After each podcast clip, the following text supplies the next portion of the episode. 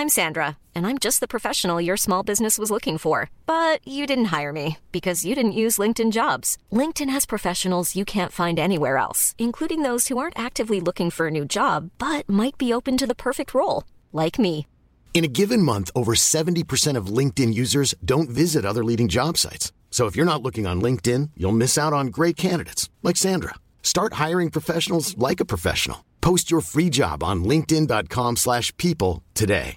This is Paige, the co-host of Giggly Squad, and I want to tell you about a company that I've been loving, Olive and June. Olive and June gives you everything that you need for a salon quality manicure in one box. And if you break it down, it really comes out to $2 a manicure, which is absolutely insane. It's also so easy to get salon worthy nails at home with Olive and June. The difference between how your nails used to look when you did them yourself and now with the Manny system is a complete game changer. The best thing about Olive and June too is it's a quick dry. Dries in about 1 minute, lasts for 5 days and full coverage in up to 1 to 2 coats. Visit oliveandjune.com slash perfectmanny20 for 20% off your first system. That's oliveandjune.com slash perfectmanny20 for 20% off your first system. Planning for your next trip? Elevate your travel style with Quince. Quince has all the jet setting essentials you'll want for your next getaway, like European linen, premium luggage options, buttery soft Italian leather bags, and so much more. And it's all priced at 50 to 80% less than similar brands. Plus, Quince only works with factories that use safe and ethical manufacturing practices. Pack your bags with high-quality essentials you'll be wearing for vacations to come with Quince. Go to quince.com slash trip for free shipping and 365-day returns. Palmemordet, JO-kritik och Lars-Inge Svartenbrandt. Sveriges statsminister Olof Palme är död. 90 000. Ja, det är mord på Sveavägen. Hörde de säger att det är Palme som är skjuten. Mordvapnet med säkerhet är en Smith Wesson, en revolver kaliber .357. Inte ett svar. Finns inte ett svar. För jag har inget. Och jag har inte varit Varför skulle jag Polisen söker en man i 35 till 40-årsåldern med mörkt hår och lång mörk rock. Välkomna till podden Palmemordet som idag görs av mig, Tobias Henriksson på PRS Media. Har du funderat på att sponsra oss via patreon.com palmemordet men tyckt att det varit krångligt med betalning i dollar, valutakurser och annat? Oroa er inte, för nu kan ni sponsra oss i helt vanliga svenska kronor via Patreon. Som sponsor får du lite extra mycket av podden, som till exempel extra avsnitt, kortare klipp och enkäter. Du kan läsa mer om det och börja sponsra oss på just patreon.com palmemodet. Tack för ditt stöd! Idag ska vi ta upp ett möjligen kontroversiellt ämne som det pratats om en del, men som egentligen aldrig kunnat redas ut ordentligt. För visst har många av er hört att Lars-Inge Svartenbrandt skulle kunna ha något med mordet på Olof Palme att göra. Jag var länge skeptisk till att ta upp det här ämnet då jag tycker att det var så pass osannolikt att det verkligen rörde sig i utkanten av poddens inriktning. Jag menar, Svartenbrandt satt ju inlåst vid tiden för mordet. Eller, gjorde han verkligen det? Det och mycket mer ska vi ta reda på i dagens avsnitt. Men först idag, nyheter.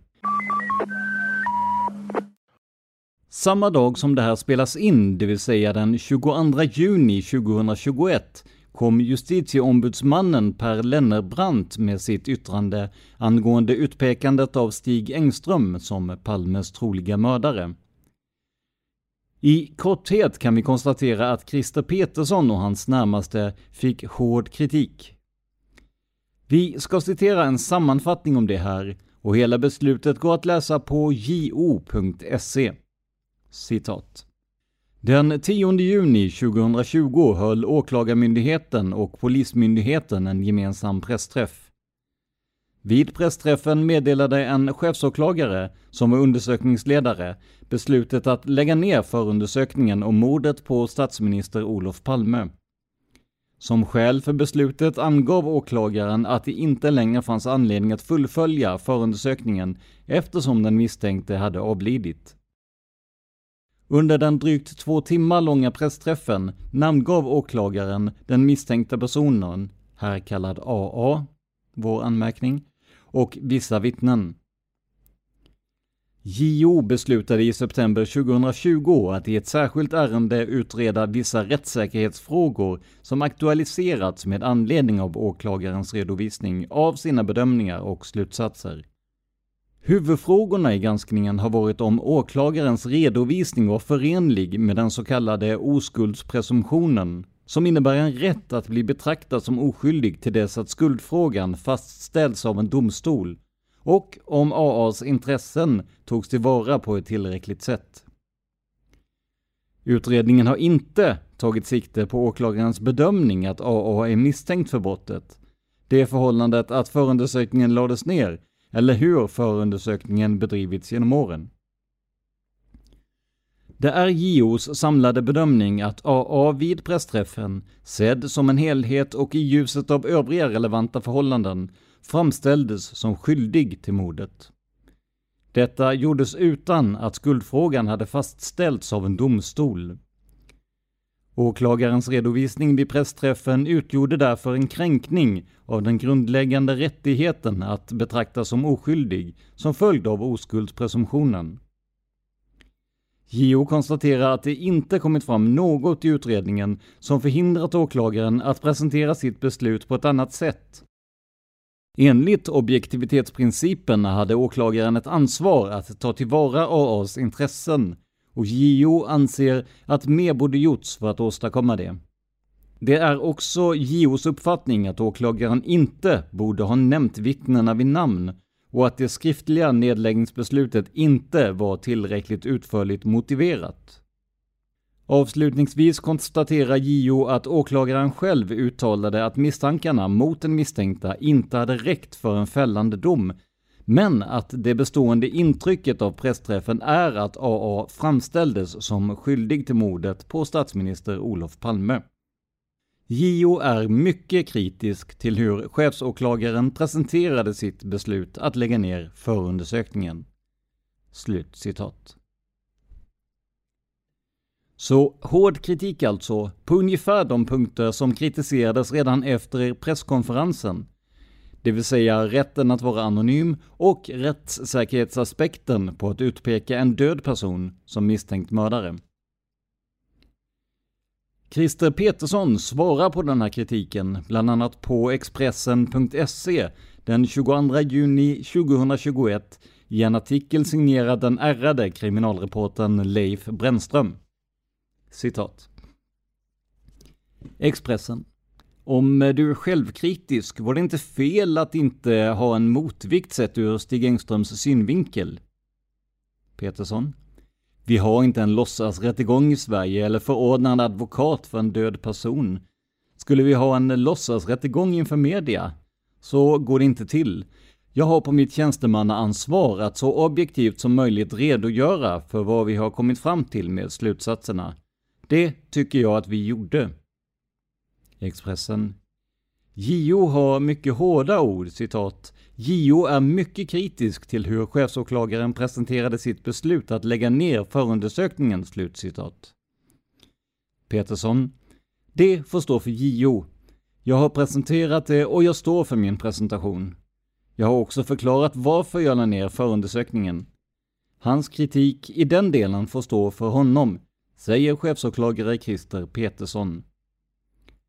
Där slutar vi citera artikeln från Expressen.se skriven av Leif Brännström. Med andra ord står Petersson kvar vid sin ståndpunkt som han intog för eh, ett drygt år sedan. Vi hoppas kunna rapportera mer om detta längre fram och även återkomma med intervjuer. Men nu går vi över till dagens huvudämne. Svartenbrandt som Palmemördare alltså. Hur kom det sig att vi tar upp det här ämnet just nu? Jo, för ungefär ett år sedan blev jag kontaktad av en tipsare som eh, hade det han kallade för lösningen på Palmemordet. Som vanligt när någon inleder på det sättet blev jag skeptisk. För de som verkligen jobbat sig någorlunda nära en lösning öppnar sällan eller aldrig med en sådan replik. Men personen sa att hen, ja, jag kommer att säga hen för att inte ge ledtrådar till personens identitet, hade dokument som bekräftade att Svartenbrandt var inblandad. Och för två personer som försöker göra en faktabaserad podd om mordet på Olof Palme är dokument renaste guld. Jag träffade personen i fråga och fick en hel del information. Jag blev sedan upptagen med den lösning som Palmegruppen presenterade och det här ämnet kom att bli liggande. Men nu är det dags att se om det som kan tyckas omöjligt, att en av Sveriges värsta brottslingar skulle ha med Palmemordet att göra, trots allt kan vara möjligt. Och som vanligt presenterar vi bara de fakta som finns och återger de tips vi fått. Vi har ingen egen övertygelse i det här eller andra spår. Men om ni har det, skriv gärna av er på facebook.com palmemordet. Men först av allt, vem var Lars-Inge Svartenbrandt egentligen? Eller Svarten som han ofta kallades. Lars-Inge föddes som Lars-Inge Andersson under andra världskrigets sista år, 1945, i Dalarna. Redan som barn hade han det kämpigt. Hans uppväxtförhållanden beskrivs som instabila och redan vid 12 års ålder kom han i kontakt med de rättsvårdande myndigheterna. Det var nämligen vid den här tiden som han skickades på så kallad skyddsuppfostran och därmed hamnade på ungdomsvårdsskola. Just ungdomsvårdsskolorna kom att återkomma i hans liv och i maj 1961 firade han sin 16 födelsedag genom att rymma från just en sådan anstalt. Året efter gjorde han inbrott i ett militärt vapenförråd och dömdes till sitt första fängelsestraff.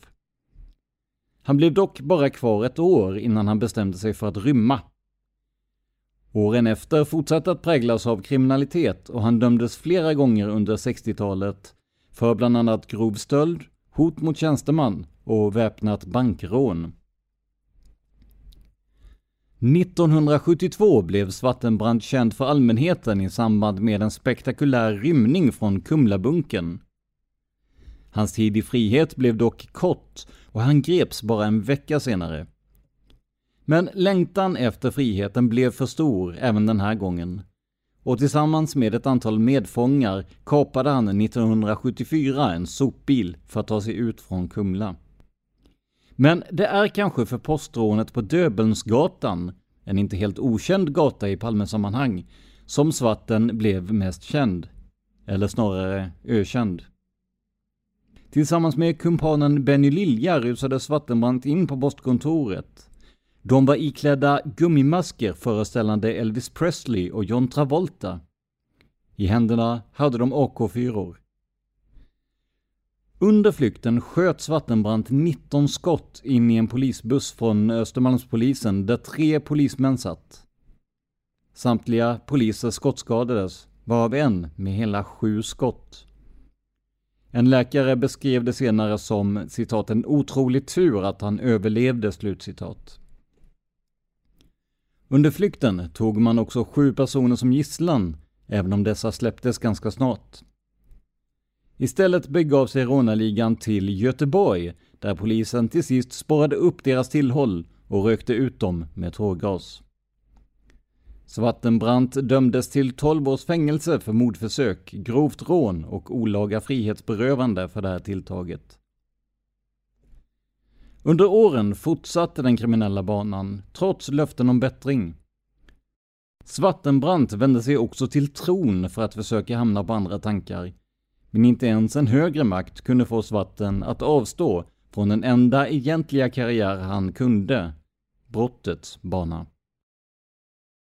Han återföll snart i kriminalitet genom ett rån och flydde sedan landet för att undkomma upptäckt. Han greps dock av spansk polis kort därefter. Svartenbrandt ägnade hela sitt liv åt att begå brott och det var bara den sista tiden i livet då han var svårt sjuk i cancer som brotten och därmed också domarna uteblev. Hans tro fanns eh, tydligen med honom även i slutet, som vi snart kommer att få se. Men först ska vi konstatera att hans död blev lika spektakulär som hans liv. Han valde nämligen att tända eld på sig själv för att avsluta sina dagar. Hans fru ringde Lars-Inges dotter Jackie Färm och hennes sambo Ola Brising och berättade att Lars-Inge citat valde att brinna som munkarna slutcitat. Enligt Lars-Inge var det här ett värdigt sätt att dö på. Med största sannolikhet tänkte han på den kända bilden av buddhistmunken Thich Quang Doc som 1963 brände sig till döds på en gata i Saigon i protest mot USAs inblandning i Vietnamkriget. Så långt alltså Svartenbrandts liv, som i mer än 40 år tillbringades bakom lås och bom. Men vad har det här med Palmemordet att göra? Kanske inget alls, men enligt min tipsare en hel del. Innan vi går vidare vill jag återigen betona att jag återger ett tips. Det är upp till var och en att bedöma sannolikheten i det här. Men på det här sättet ser ni också att vi går vidare med de tips som kommer in och att vi försöker se om de är rimliga eller inte. Enligt tipsaren förekom det Palmefientliga möten i Stockholm där bland annat militärer, politiker och poliser ska ha ingått. Som vi vet har det förekommit liknande möten med samma inriktning, även om det är okänt om även politiker deltog. Men vid just de här påstådda mötena diskuterade personerna hur man skulle kunna bli av med Olof Palme, som man närmast såg som en landsförrädare, utan att själva misstänkas för inblandning i det hela. Ett förslag som ska ha kommit upp var just Svartenbrandt. Han satt ju redan inne, så om man kunde lösa det rent praktiskt så vore det ju perfekt. Vem skulle misstänka en fånge som satt inne för mordet på Olof Palme? Enligt samma tipsare och dennes research ska Svartenbrandt ha blivit lovad ett försenat rikslarm för att kunna komma undan. Det här är alltså bara ett referat av vad tipsaren sagt, men det kommer att bli betydligt mer konkret alldeles strax. Men innan dess måste vi fundera på hur Svartenbrandt, om vi för ett ögonblick tänker oss honom som mördare, skulle gå tillväga efter att han skjutit makarna Palme. Så här skriver tipsaren, citat. När eh, Svartenbrandt kommit upp för trappan sprang han vidare till restaurang Karelia, men sprang in i en lägenhet på vägen dit där han bytte kläder. XX, namnet utskrivet, vår kommentar, som arbetade på restaurangen, har berättat om en likblek man som kastade sig in i en röd Audi i korsningen av Snickarbacken och Birger Jarlsgatan strax efter mordet. Två män, en ljus och en mörk, satt i framsätet och bilen startade med en rivstart.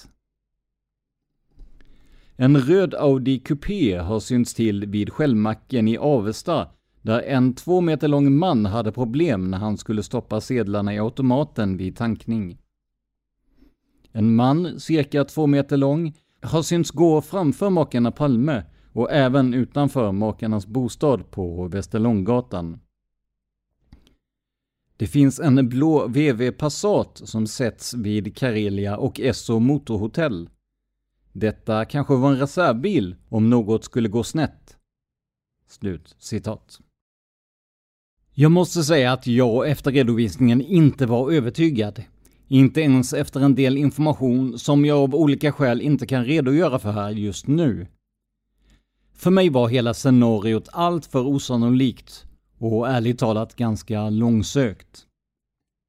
Det som däremot intresserade mig var att en blå VW Passat nämndes. Ni som hängt med i podden under lång tid kanske också reagerar på detta. För i de anonyma brev som man tror skrevs av Viktor Gunnarsson och som hamnade hos olika myndighetspersoner nämns en exakt likadan bil. Så här stod det i brevet, som den här gången var adresserat till Dagens Nyheter, citat. Though Mr Sten Wickbom, the minister, refuses to enhance the reward, I'll give you some facts. Three getaway cars. Och här kommer det. one blue Volkswagen Passat and one white Volvo 244JL and one red Ford Escort were involved in our retreat. Slutcitat. Och på svenska blir det ungefär Även om herr Wickbom, ministern, vägrar att höja belöningen så ska jag ge er lite fakta. Tre flyktbilar, en blå Volkswagen Passat och en vit Volvo 244 GL och en röd Ford Escort kom till användning vid vår flykt. Det här är såklart mest sannolikt en ren slump, men låt oss konstatera att om man hade en blå Passat och befann sig nära mordplatsen så hade man all anledning att låta polisen känna till det efter de tips som kom in om just den här sortens fordon.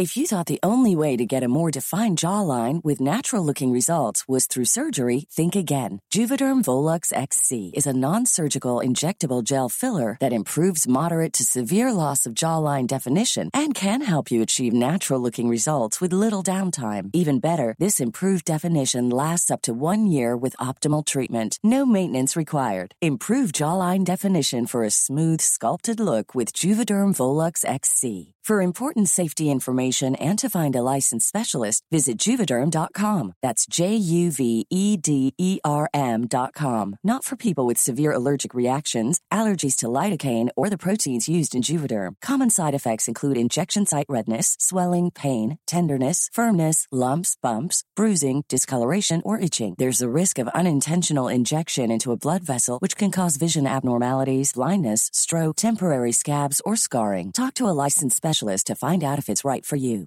Ready to pop the question? The jewelers at BlueNile.com have got sparkle down to a science with beautiful lab grown diamonds worthy of your most brilliant moments. Their lab grown diamonds are independently graded and guaranteed identical to natural diamonds, and they're ready to ship to your door. Go to Bluenile.com and use promo code LISTEN to get $50 off your purchase of $500 or more. That's code LISTEN at Bluenile.com for $50 off. Bluenile.com code LISTEN. Burrow's furniture is built for the way you live. From ensuring easy assembly and disassembly to honoring highly requested new colors for their award winning seating, they always have their customers in mind. Their modular seating is made out of durable materials to last and grow with you. And with Burrow, you always get fast, free shipping. Get up to 60% off during Burrow's Memorial Day sale at burrow.com slash ACAST. That's burrow.com slash ACAST. burrow.com slash ACAST.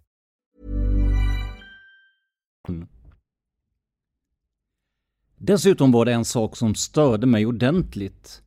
Enligt de källor som fanns innan nedläggningen av Palmeutredningen ska ju Svartenbrandt suttit inne vid tillfället för mordet och därmed omöjligtvis kunnat befinna sig mitt på Stockholms gator som en fri man samtidigt.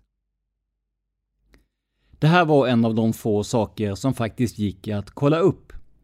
Så med hjälp av gruppen Palmemordet, FUP och övriga handlingar letade jag reda på de vittnesmål om var Svartenbrandt befunnit sig som fanns. Och det visar på en delvis annan historia. Här citerar vi ett förhör med överläkaren på Säters rättspsykiatriska klinik, dit Svartenbrandt flyttades efter vad han själv kallar för en kollaps.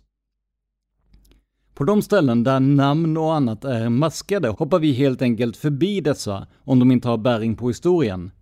Annars säger vi att namnet maskats. Citat. Spaningsuppslag i grövre brottsmål. Ärende Mord OP. Datum 86.03.17 Angående Svartenbrandt. Doktor Censur kontaktades dag som ovan och denne meddelade att Svartenbrandt, Lars Inge, inte hade permission den 28 februari 1986. Det har inkommit många uppgifter om att Svartenbrandt skulle vara lik Skuggan. Eftersom det inte finns uppgifter om att denne sätts just den 28 i andra vore det lämpligt att närmare kolla upp Svartenbrandts permissioner under 1986 fram till angivet datum. KW. I nästa förhör står följande att läsa, citat. Spaningsuppslag i grövre brottmål. Uppgiftsmottagare kriminalinspektör A. Bäckström. Brott med vilket uppslaget hör samman, Palme. Händelse Uppföljning Svartenbrandt 860611 till 860612 besökte jag samt kriminalinspektör L Jonsson Säters sjukhus i avsikt att utröna huruvida Svartenbrandt Andersson befunnit sig på sjukhuset den 28 i andra respektive 1 i tredje 1986. Ett stort antal personer har hörts i ärendet och finns angivet på band vid behov, men kommer inte att utskrivas. Sammanfattningsvis redovisas att Svartenbrandt vistats på sjukhuset sedan hösten 1984 efter en överenskommelse mellan Säters sjukhus och Kriminalvårdsstyrelsen. Han togs in på den så kallat fasta paviljongen. Paviljongen gjordes så småningom om till att bilda en specialavdelning för särskilt vårdkrävande patienter och där finns två avdelningar, nämligen 30 samt 31 och Svartenbrandt är inskriven vid nummer 31. Avdelningarna ledes av klinikföreståndaren samt överläkaren, där överläkaren är överst ansvarig. Arbetet med Svartenbrandt har utvecklats positivt och som resulterat i att han under hösten 1983 fick tillfälle att flytta in i en egen villa inom sjukhusområdet, men som är helt fristående. Svartenbrandt har sedan skött sig själv i stort sett med större och större frihet. Normalrutinen har varit att Svartenbrandt skulle besöka sin avdelning en gång per dag för att visa upp sig. Detta har han skött exemplariskt, men senare tid har det uppenbarligen förekommit att Svartenbrandt istället ringt upp till avdelningen och på så sätt har kontrollen skett. Ingen av de hörda personerna har kunnat tala om varifrån Svartenbrandt ringt, men man har utgått ifrån att han ringt från sin villa. Han har levt ett vanligt liv och får vistas utanför sjukhuset, inom Säters område. Han har tränat på olika platser inom karate. Han får utan kontroll ta emot besök i sin villa och de som främst besökt honom är nuvarande fästmön, vidare en träningspartner samt dessutom en före detta patient, nu boende i Stockholm. Ingen person har kunnat uttala sig om huruvida Svartenbrandt varit inom sjukhusets område den aktuella tiden, men eftersom inget särskilt noterats har man utgått ifrån att han varit hemma. En vårdare berättade att han talat med Svartenbrandt om Palmemordet på förmiddagen den första i tredje och Svartenbrandts reaktion var som alla andras, ett fullt normalt avståndstagande.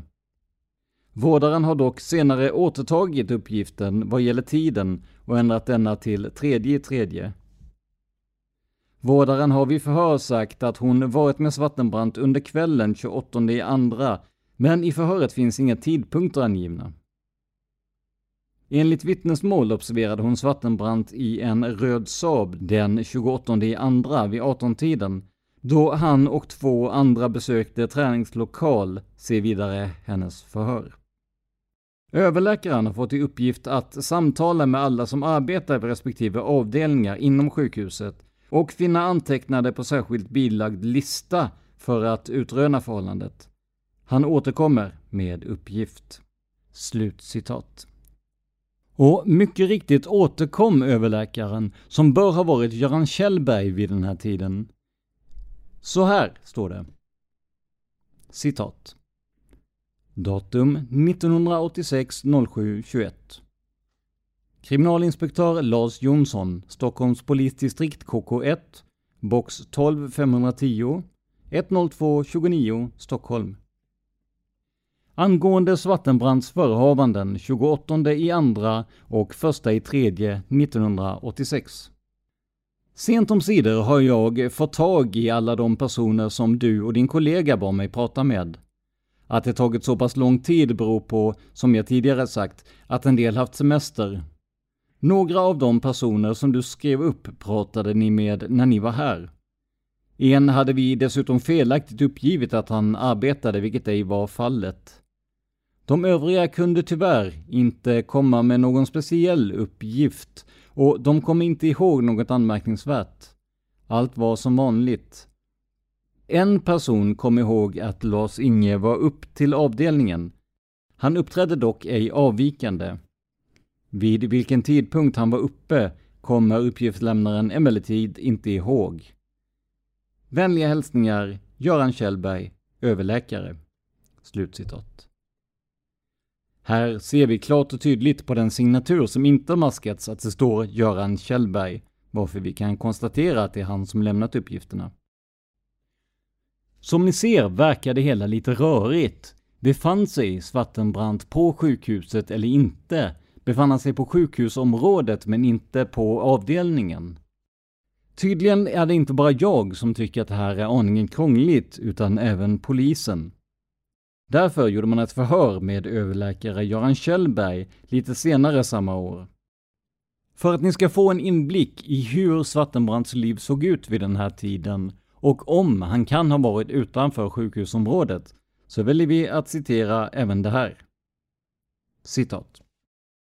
Protokoll fört vid förhör på Säters sjukhus 86 06 11 klockan 10.50 med överläkaren klinikchefen Censur. Kommentar, vi vet ju nu att det är Göran Kjellberg. Överläkare och klinikchef på Säters sjukhus avseende särskilt vårdkrävande patienter. Förhörsledare kriminalinspektör A Bäckström och kriminalinspektör L Jonsson utan förhörsvittne. Innan bandspelaren slogs på berättar Kjellberg att han fungerade som konsult vid Kumla åt Kriminalvårdsstyrelsen. Under den tidsperioden hade man kontakt avseende Lars-Inge Andersson eller Svartenbrandt. Och under våren 1983 startade en diskussion därför att Svartenbrandt var nedgången på olika sätt till följd av olika omständigheter och Kriminalvårdsstyrelsen var oroliga för Svartenbrandt och hans hälsa. Denna diskussion utmynnade så småningom i en överenskommelse mellan Säters sjukhus genom Kjellberg och Kriminalvårdsstyrelsen å andra sidan. Tillika med vissa diskussioner med Svartenbrandt där Kjellberg erbjöd att eh, Svartenbrandt kunde fortsättningsvis vistas på Säters sjukhus dåvarande fasta paviljong för att man möjligen skulle komma till rätta med hans situation. Den 3 tionde 1983 fördes Svartenbrandt till Säters sjukhus och han togs in på den dåvarande fasta paviljongen, vilket innebar att det var full inlåsning, full censur. Det ska sägas här att överenskommelsen mellan Kriminalvårdsstyrelsen å ena sidan och Säters sjukhus å andra sidan grundar sig på paragraf 37 i kriminalvårdslagen. Förhörsledaren eh, om jag tolkar dig rätt när du berättar så är det här ett eh, förhållande där Svartenbrandt, ska vi säga, två rader strukna. Fjällberg. Ja, formellt är det så ja. Förhörsledaren. Och det sker på en eh, frivillig basis? Kjellberg. Ja. Förhörsledaren. Och ni ställer då era resurser till förfogande här och eh, i det här fallet är det tydligen så att Kriminalvårdsstyrelsen går med på den eh, av då med olika omständigheter. Kjellberg, ja. Förhörsledaren. Beträffande Svartenbrandts eventuella frigång senare under våren 84 så efter en viss diskussion med Kriminalvårdsstyrelsen överenskoms att eh, Svartenbrandt skulle få röra sig lite fritt i Säter under bevakning. Kjellberg. Ja, sjukhusområdet med personal. Förhörsledaren. Sjukhusområdet med personal, eh, dygnet runt eller var det speciella tider? Kjellberg. Det är dagtid när det fanns personal och så. Förhörsledaren. I övrig tid var han inlåst. Kjellberg. Annars var han inne på avdelningen, ja. Förhörsledaren. Innebär eh, det att man då är inlåst som i ett fängelse om man nu ska likna det? Kjellberg. Ja. Förhörsledaren. Det här gick ju uppenbarligen bra och under hösten 1984 så bestämde man sig för att han skulle beviljas obevakade permissioner och vad jag förstod eh, i början fortfarande inom området. Kjellberg. Eh, inte permission, det heter frigång på sjukhusområdet. Permission är utanför sjukhusområdet. Förhörsledaren. Ja, vill du nu berätta Eh, det innebär att från hösten 1984 då, eh, då hade han, ska vi säga, en relativt fri tillvaro. Kjellberg. Mm. Det började så att han först fick eh, en timme om dagen. Efter några veckor så utökades det. Så småningom hade han efter några månader frigång flera timmar om dagen. Det där bröts sedan på våren 1985. Kommentar här är flertalet rader strukna. Slutkommentar. Tiden däremellan har jag inte riktigt exakt reda på. Förhörsledaren. Eh, om vi sedan går vidare och tittar, ska vi säga framåt hösten 85, våren 86, vad hade han för frihet då? Kjellberg. Kommentar, flera rader strukna, slutkommentar. Och i samband då, det var i eh, höstas då som han fick eh, flyttas till den här beryktade villan här nere. Förhörsledaren, som ligger var? Kjellberg. Den ligger alldeles bakom några hundra meter ner här eh, inne på sjukhusområdet. Förhörsledaren. Och vem bor i den villan? Kjellberg. Där bodde han till att börja med med en patient. Så bodde han från och med mars någon gång själv där nere. Förhörsledaren. Under januari, februari i år. Kjellberg.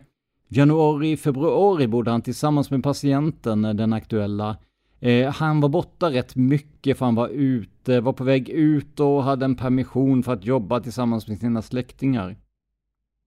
Förhörsledaren. Så praktiken av det hela, det var att Vattenbrant, eller eh, Lars-Inge, han bodde ensam i den här villan. Kjellberg. Ja. Förhörsledaren. Hushåll och liknande, vem skötte det? Kjellberg. Till att börja med var det så att de skulle ha tre gånger om dagen i samband med utflyttningen så skulle de ha kontakt med avdelningen. Så han gick bort till avdelningen och åt mat då, måltider alltså tre gånger om dagen. Så småningom skulle vi som led i vården att de skulle sköta hushållet själva och lära sig det här med hur man hushåller.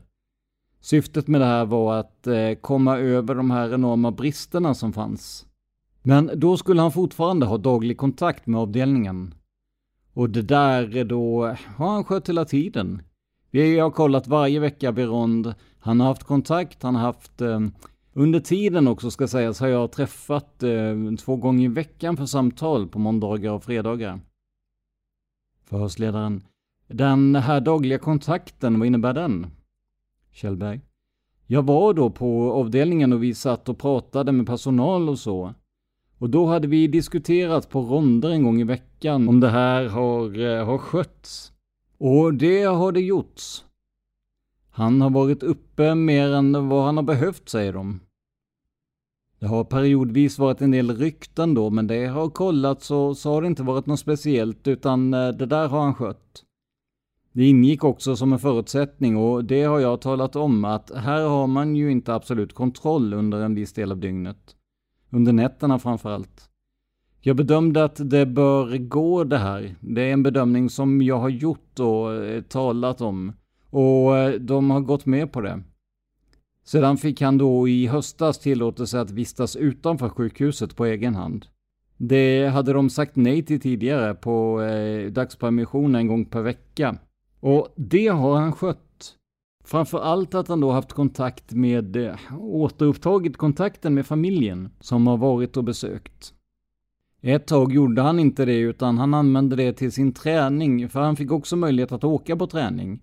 Han var med i en judoträning så han har tränat på lite olika ställen då. Då har han talat om på eh, avdelningen när han har åkt och talat om när han kommer tillbaka. Likaså från träningen. Och vi har kollat det där och det där har han skött. Förhörsledaren. Får jag fråga som ett exempel. Han skulle på något sätt, vad jag förstår, eh, höra av sig med vissa tider till någon person på avdelningen. Kjellberg. Ja, det är inte till någon, utan komma upp på avdelningen och visa upp sig. Förhörsledaren. Gå upp. Förekom det att han eh, telefonerade upp till exempel? Kjellberg. Ja, det har han också gjort. Förhörsledaren. Så kort och gott är det så eh, att någon egentlig kontroll av Svartenbrandt har inte skett, utan man har förlitat sig på hans uppgifter. Vid sidan om de rent personliga besök som har förekommit, eller man har sett honom. Kjellberg. Jag har träffat honom, ja. Förhörsledaren. Och man har inte fått in eh, klagomål. Kjellberg. Nej, men eh, det har gått bra. Förhörsledaren. Men en kort fråga då. om Svartenbrandt ville hålla sig borta en natt här. Det förekom aldrig någon kontroll om han verkligen var i huset. Kjellberg. Jag har ringt vid några tillfällen till honom på kvällen och då har han varit där. Men visst har det funnits möjlighet att han kunnat varit någon annanstans? Förhörsledaren.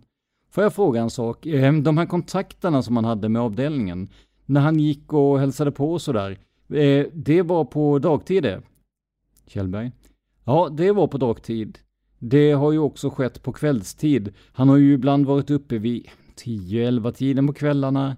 Det där har varit väldigt mycket informellt också. Det är vad det här har gått ut på. Slut citat. Vad leder då allt det här fram till? Ja, vi kan med säkerhet säga att Svartenbrandts alibi, att han skulle ha befunnit sig på sjukhuset, är minst sagt svajigt. I och med att man inte kollade var han ringde ifrån kan han lika väl ha ringt in sig från Stockholm om vi nu leker med tanken på att han var inblandad i mordet. Den person som säger sig ha pratat med Svarten den 1 mars har ju också varit osäker på datumet och senare ändrat detta till den 3 mars. Så rent tekniskt skulle alltså Svartenbrandt kunna ha tagit sig till Stockholm och skjutit Olof Palme. Men det är inte där som den här historien svajar enligt mig.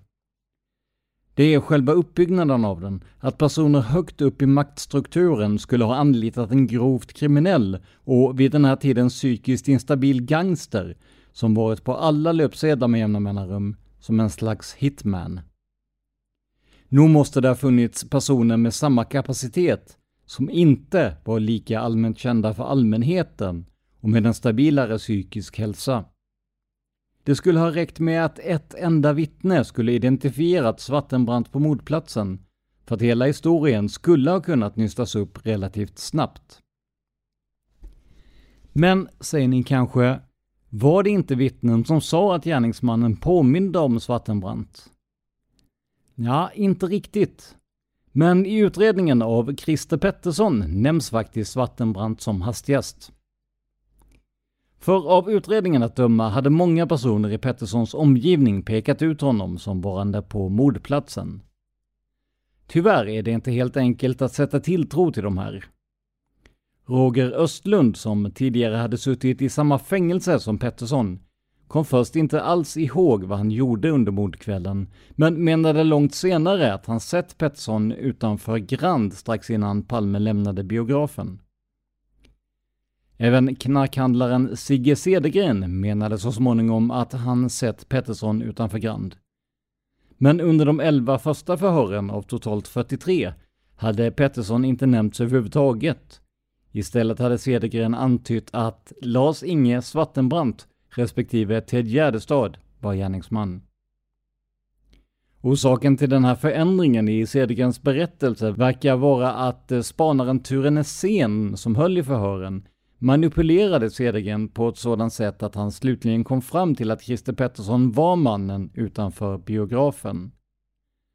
Det verkar dessutom vara så att Nässén lockade flera vittnen med en belöning på flera miljoner ifall deras utpekande ledde till en fällande dom mot Christer Pettersson. Ture Nässén själv nekar till eh, anklagelserna och menar bland annat att inget vittne lockades med pengar. Personligen känner jag att vi behöver betydligt mer kött på benen för att kunna misstänka vattenbrant för Palmemordet. För dålig koll på mentalsjukhus, en historia om Palmehat och slutligen ett förfluget uttalande från en knarklangare, ja, det räcker inte för mig. Men som alltid är det inte heller jag som ska vara övertygad om något. Det är ni som lyssnare som ska få möjlighet att dra era egna slutsatser. Så vad säger ni? Finns det något överhuvudtaget som talar för Svartenbrandt som mördare? Är det något spår eller indicier som ni vill lyfta fram om Svarten?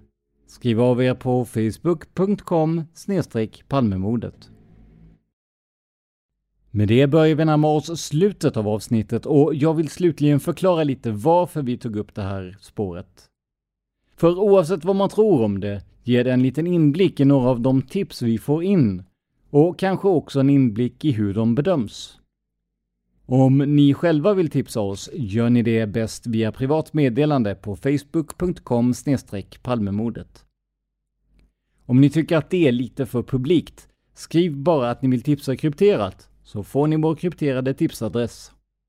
Vi kan inte följa upp precis alla tips som kommer in, utan vi gör en bedömning utifrån hur mycket eller lite det finns att gå på.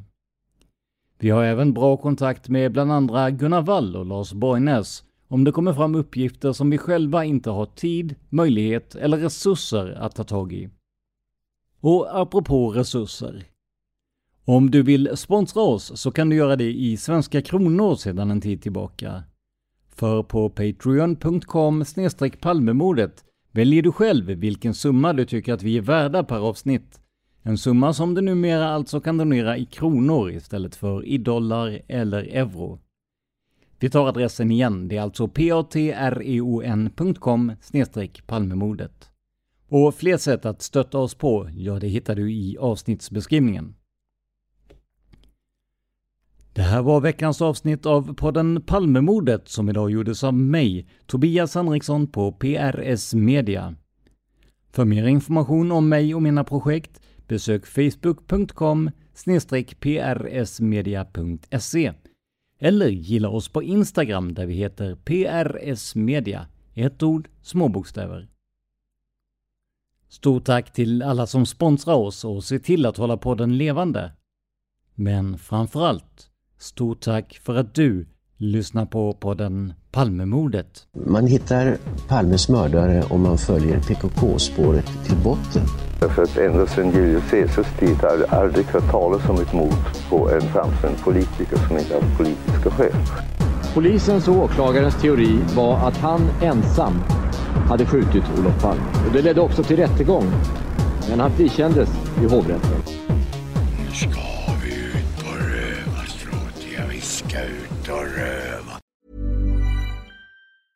A lot can happen in the next three years. Like a chatbot may be your new best friend. But what won't change? Needing health insurance. United Healthcare Tri Term Medical Plans are available for these changing times.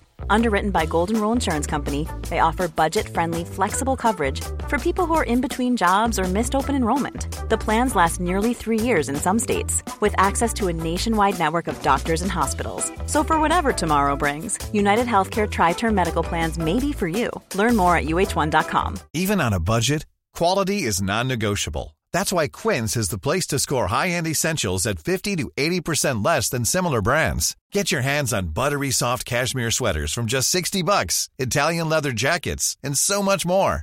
And the best part about Quince, they exclusively partner with factories committed to safe, ethical, and responsible manufacturing. Elevate your style without the elevated price tag with Quince. Go to quince.com slash upgrade for free shipping and 365-day returns. Here's a cool fact a crocodile can't stick out its tongue. Another cool fact you can get short term health insurance for a month or just under a year in some states. United Healthcare short term insurance plans are designed for people who are between jobs, coming off their parents' plan, or turning a side hustle into a full time gig. Underwritten by Golden Rule Insurance Company, they offer flexible, budget friendly coverage with access to a nationwide network of doctors and hospitals. Get more cool facts about United Healthcare short term plans at uh1.com.